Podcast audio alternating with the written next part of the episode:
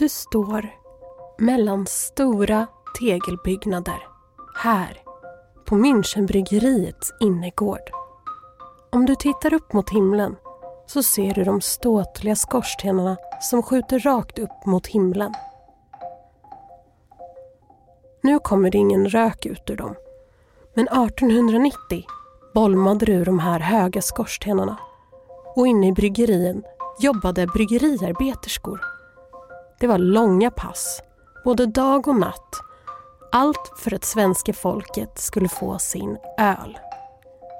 Rengöring, fyllning av flaskor, korkning och etikettering. Sen skulle korgar fyllas med ölflaskorna och bäras ut på fabriksgården där utkörare väntade för att köra ut ölen till stadens krogar och kaféer. Lagar och reglement kring säkerhet, arbetstider och rättigheter på jobbet existerade knappt. Och lagstadgad semester hade man aldrig hört talas om. Och nu ska vi tillbaka till slutet av 1800-talet och berätta om kvinnorna som arbetade här på Münchenbryggeriet. För de hade fått nog. De kom att starta sin egen avdelning inom facket. Avdelning 15. Under långt in på 1900-talet så fanns det enskilda kvinnor inom de fackliga organisationerna, inom de fackliga lokala styrelserna som försökte driva på framförallt då kvinnornas löner. Du lyssnar på Kvinnans plats, historiska berättelser från Stockholm. En serie från Stockholms kvinnohistoriska med mig, Sofia Neves. Det fanns inga rättigheter för män, för de manliga och kvinnliga arbetarna på 1890-talet. De hade inget människovärde helt enkelt. Jag har pratat med Eva Schmitz, sociolog och forskare. Hon har forskat en hel del om kvinnors fackliga kamp runt sekelskiftet och skrivit boken Kvinnor, kamrater om kvinnans roll i den begynnande arbetarrörelsen runt förra sekelskiftet. Jag träffade henne över Skype. Det fanns ingenting reglerat när det gäller hur mycket man skulle arbeta eller när det gäller semester. Utan det är helt enkelt vad som händer under 1890-talet är att det bildas fackföreningar. Ehm, så att man kan se under hela 1890-talet så är det allt fler kvinnor och män som, som ansluter sig till fackföreningarna för det är genom fackföreningen som vi ser också att förhandlingarna kring både av, eh, löner och eh, arbetstiden börjar regleras. Så alltså rådde synen på kvinnan att hon först och främst hade ansvar för hem och barn. Så när hon går ut i industrin och får arbete, då hon, och även om hon är, är ogift, så finns fortfarande den här uppgiften att kvinnans roll i samhället är först och främst att ta hand om barn och eh, familj. Och den här synen är ju långt in på 60-talet sen. Så det här är ju liksom ett argument för disponent eh, kapitalägarna att betala, om man betalar kvinnor lika mycket som männen, då är, blir ju kvinnor ekonomiskt självständiga och då hotas ju hela liksom, eh, normen i samhället att man ska bilda familj och att eh, familjen eh, som en institution där, liksom, där, det kvin- där, där, mannen går ut och arbetar och kvinnan är hemma och tar hand om sina barn. Nej, men vi ska komma ihåg att vid den här tidpunkten att eh, det är först, tror jag, omkring någon gång på 1860-talet som den ogifta kvinnan blir myndig. Men den gifta kvinnan är fortfarande omyndig. Och detta är hon ju fram till att kvinnor får rösträtt 1921. Vilka var kvinnorna som fick arbeta på Münchenbryggeriet? Framförallt så var det kvinnor från Dalarna, om man brukar beteckna dem, eller de, de gick under beteckningen Dalkulle. Och varför det var framförallt från Dalarna som det var många kvinnor som var utvandrade till Stockholm. Det berodde på att det rådde stor fattigdom.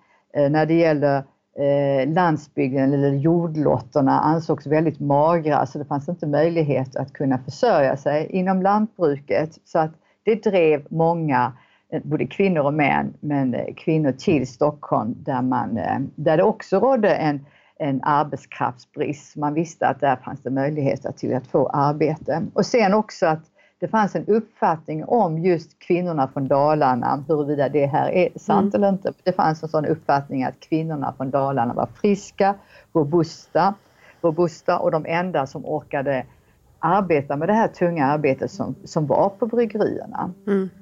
Vad gjorde man i avdelning 15? Med en egen avdelning så, så förväntade man sig att mötesdeltagarna, att fler kvinnor skulle komma på mötena. Det skulle bli, kvinnor skulle delta mer i diskussioner och överhuvudtaget att man, kvinnor skulle få möjligheter att kunna tillvarata deras egna intressen än om man hade varit kvar i den manliga fackföreningen. Och det, och det är precis det som sker. Man kan se under det första året att fler och fler kvinnor organiseras i eh, i avdelning 15. Vid årets slut så hade man 230 medlemmar och 1902, ett år efter avdelning 15s bildande, så var man uppe i 388 kvinnor, vilket var att eh, enligt minnesskriften så är samtliga bryggeriarbeterskorna anslutna till avdelning 15, vilket måste ju ses som oerhört eh, stor seger. Hur kommer det sig att kvinnorna bildar ett eget fackförbund? Ja, egentligen är det inte kvinnorna själva som tar initiativ till en egen fackförening utan det, är, det, det höjs röster då och då på olika fackföreningsmöten från mitten, slutet av 1890-talet att kvinnorna borde bilda en egen fackförening.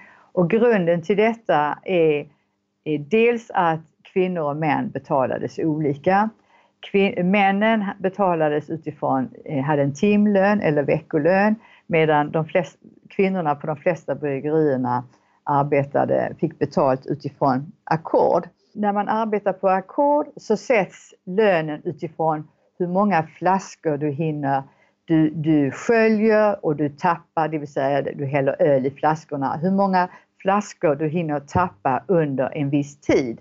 Så säg att du under, under en timme tappa 60 flaskor och då får du betalt eh, en viss tid för det. Men däremot om du hinner med 90, hinner med 90 flaskor, då ökar, då, då är din produktivitet högre och då får du mer betalt. Och för, för kvinnorna så var det här viktigt för att på vissa fabriker så, så betalades kvinnor timlön och då hade ofta kvinnorna nästan hälften av männens lön. Men just det här att de fick, fick betalt utifrån ackord, vilket ju på ett sätt gynnade också eh, bryggerinäringen eller bryggeridisponenterna för att det effektiviserades. Det blev ju fler flaskor som, som eh, tappades och sköljdes genom att kvinnor bestämde sig för att arbeta ännu snabbare för det var det enda sättet att på det sättet komma upp i en bättre inkomst. En inkomst som, som började närma sig den inkomsten som männen hade. Så det man kan säga är att som som kvinna var man tvungen att slita hårdare för samma lön. Ja, för att då, så länge du har timlön så, så, eh, så du har ju din fasta timlön oavsett om du sköljer fem flaskor eller sköljer tio flaskor. Men just med ackordarbetet så ju fler flaskor du sköljde och tappade ju bättre betalt fick du. Så man, satt, man satte helt enkelt inte lönen efter, efter en viss tid utan, ju, utan, då, utan utifrån hur många flaskor som man sköljde och tappade. De som arbetade, det finns, det har inte kommit, det finns inga direkta uppgifter vilka de var. Eh, man har försökt att titta på det, kanske ungefär hälften har man hittat vilka de här kvinnorna var, om de var gifta eller ogifta. Och eh, många var omkring 20-årsåldern och, eh, och en del, vi vet att det fanns många ensamstående kvinnor som hade, eh, som hade ett försörjningsansvar för sina barn fast inte de var gifta. Så att nödvändigheten att nå upp till en rimlig inkomst, det var ju lika stor för dem som för, för männen. Men hur många var det som jobbade här på Münchenbryggeriet som var kvinnor? Ja, Münchenbryggeriet den, den byggdes upp eh, år 1868 och då arbetade sju kvinnor och alla de här kvinnorna var, kom från Dalarna och 25 män. Eh, men man kan väl säga att kvinnor i större omfattning fick arbete på Münchenbryggeriet 1890 och det är då också produktionen förändras. Så att eh, 1890 så så eh, arbetar 25 kvinnor och 80 män och 10 år senare så är det 113 kvinnor och 224 män. Och den här, och förändringen här berodde på att eh, försäljningen av öl fördubblades eller tredubblades under 1890-talet fram till 1900.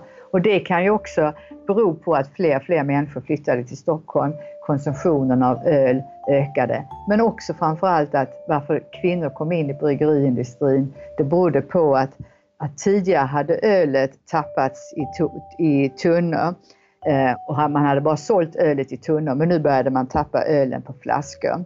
Vilket gjorde också då att det blev mer, eh, det behövdes helt enkelt mer arbetskraft för att kunna hantera detta. Och vad gör avdelning 15?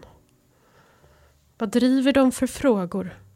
Ja, de, en av de viktigaste frågorna man driver det är kravet om lika lön för lika arbete. För det är ju helt klart att ackordslönen, det, det var ju egentligen ingen, alltså eh, ackordslönen innebar ju ett stressigare arbete, ett tuffare arbete. Så att om man hade timlön så skulle ju inte arbetet vara lika Eh, det skulle ju innebära, innebära ju bättre arbetsvillkor.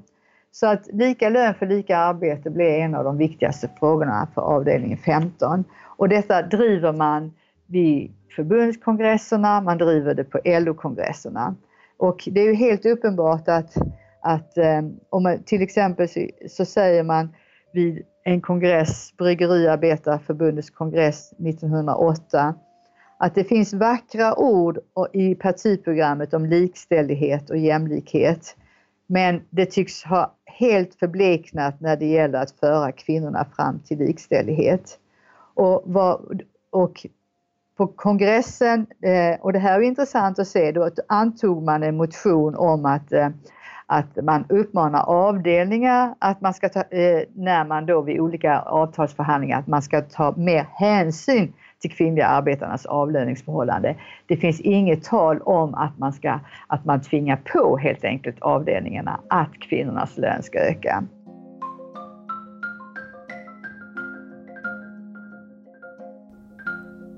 Sociolog Eva Schmitz igen. Om man tittar i stort på fackföreningsrörelsen vid den här tiden så är det avdelning 15, den här särskilda kvinnliga fackföreningen som blir pådrivande att driva frågorna om kvinnornas löner under flera decennier. Eh, när det gäller arbetstiden eh, så kunde arbetstiden vid bryggerierna vara eh, 1890 så kunde, så kunde arbetstiden vara upp till 70 timmar per vecka. Arbetsdagarna kunde alltså vara mellan 13-16 timmar om dagen och eh, Föreningen Stockholms Bryggeriarbetarfackförening driver igenom 1892 eh, kravet på en 11,5, 11,5 timmes arbetsdag. Och man får, man får igenom det kravet efter att man hotar med att eh, lägga ner arbetet. Och ett år senare så fick man igenom 10 timmars arbetsdag. Eh, och, eh, men det här avtalet, det gällde inte eh, eh, kvinnorna vid den här tidpunkten.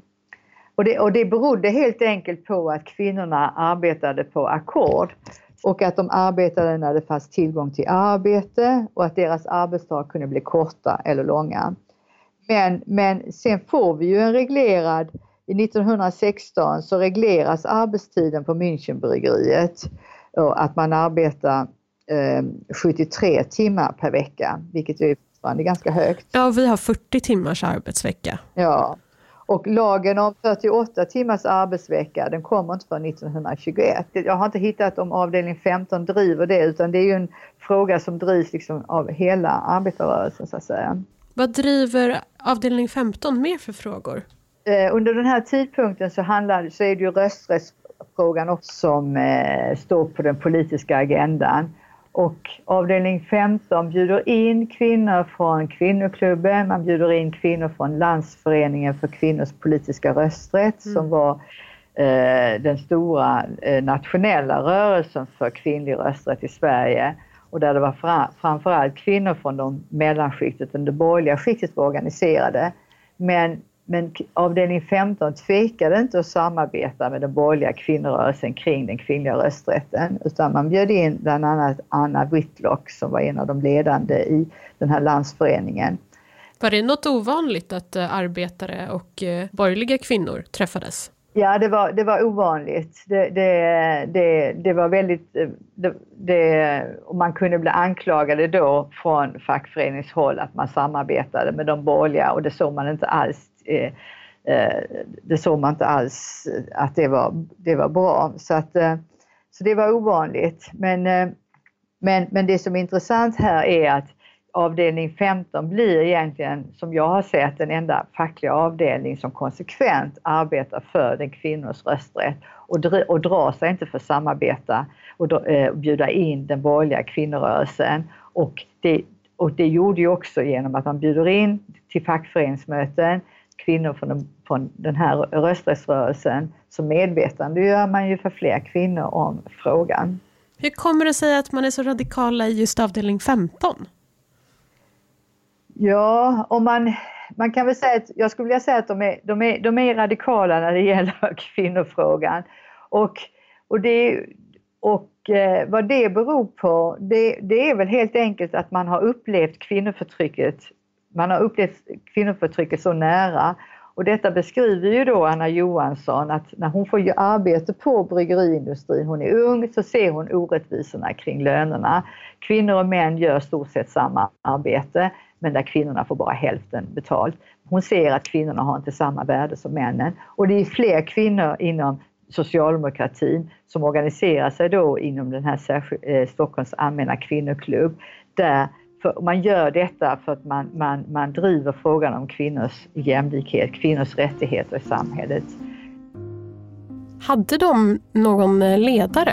Ja, en av dem som var drivande i detta det var Anna Johansson Wisborg som, eh, som började, hon fick arbete på eh, Sankt Eriks bryggeri i, i slutet på 1800-talet och hon, hon blev hon var ordförande för avdelning 15 i flera decennier, och även när hon inte längre arbetade på bryggeriet.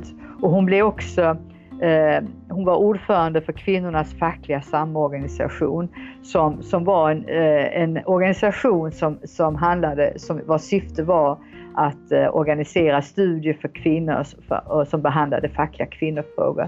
Så man kan väl säga under hela hennes aktiva period inom fackföreningsrörelsen inom avdelning 15 så förde hon in kvinna, frågor om kvinnans ställning i samhället både när det gäller i arbetslivet, i familjen, i politiken. Så, och, eh, och, och de viktigaste frågorna var lika lön för lika arbete, gift kvinnas rätt till arbete när, när, när, det, när detta började ifrågasättas på 20 30-talet med, med, den, med, med, när det var den ekonomiska lågkonjunkturen och allt större arbetslöshet. Så vad hände med avdelning 15? Ja, den fortsätter sin verksamhet ända fram till 50-talet. Eh, och, om man tittar i och vad, vad, som händer med det, man kan väl säga att avdelning 15 är en facklig organisation som egentligen de, eh, vilken facklig organisation som helst. Man, man, är, man förhandlar om löneavtal, man, man, eh, man, man försöker företräda de kvinnliga arbetarnas intressen på de olika fabrikerna. Eh, man, man, man, eh, man, tar i, man, man lyfter fram in samhälleliga frågor som berör bland annat kvinnor, men inte bara kvinnor utan man tar, man tar in även andra samhälleliga frågor. Och varför har vi inte segregerade fack idag? I, alltså, det här med särorganisering, det är, man kan väl säga att bildandet av särskilda kvinnliga fackföreningar är ju nödvändiga så länge inte fackföreningen är aktiv att se till att säg kvinnorna får lika lön för lika arbete. Så länge inte Bryggeriarbetarförbundet är drivande i detta, både nationellt och lokalt på de olika arbetsplatserna, så blir det nödvändigt att kvinnor organiserar sig självständigt.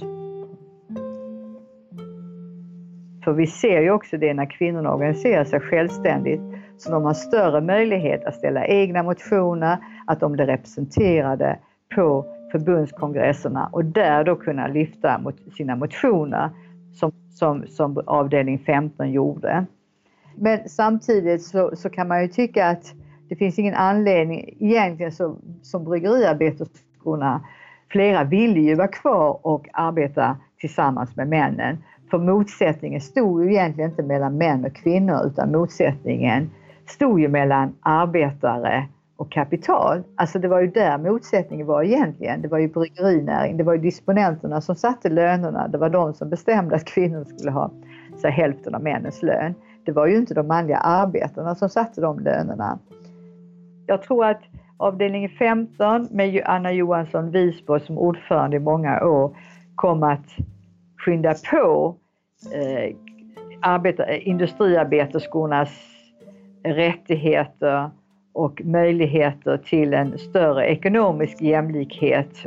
Att det var tack vare att det fanns enskilda kvinnor och bland annat då avdelning 15 som blev eh, eh, så att säga en förebild för möjligheten att eh, bevaka och påskynda de frågor som berörde de eh, kvinnliga industriarbetarna.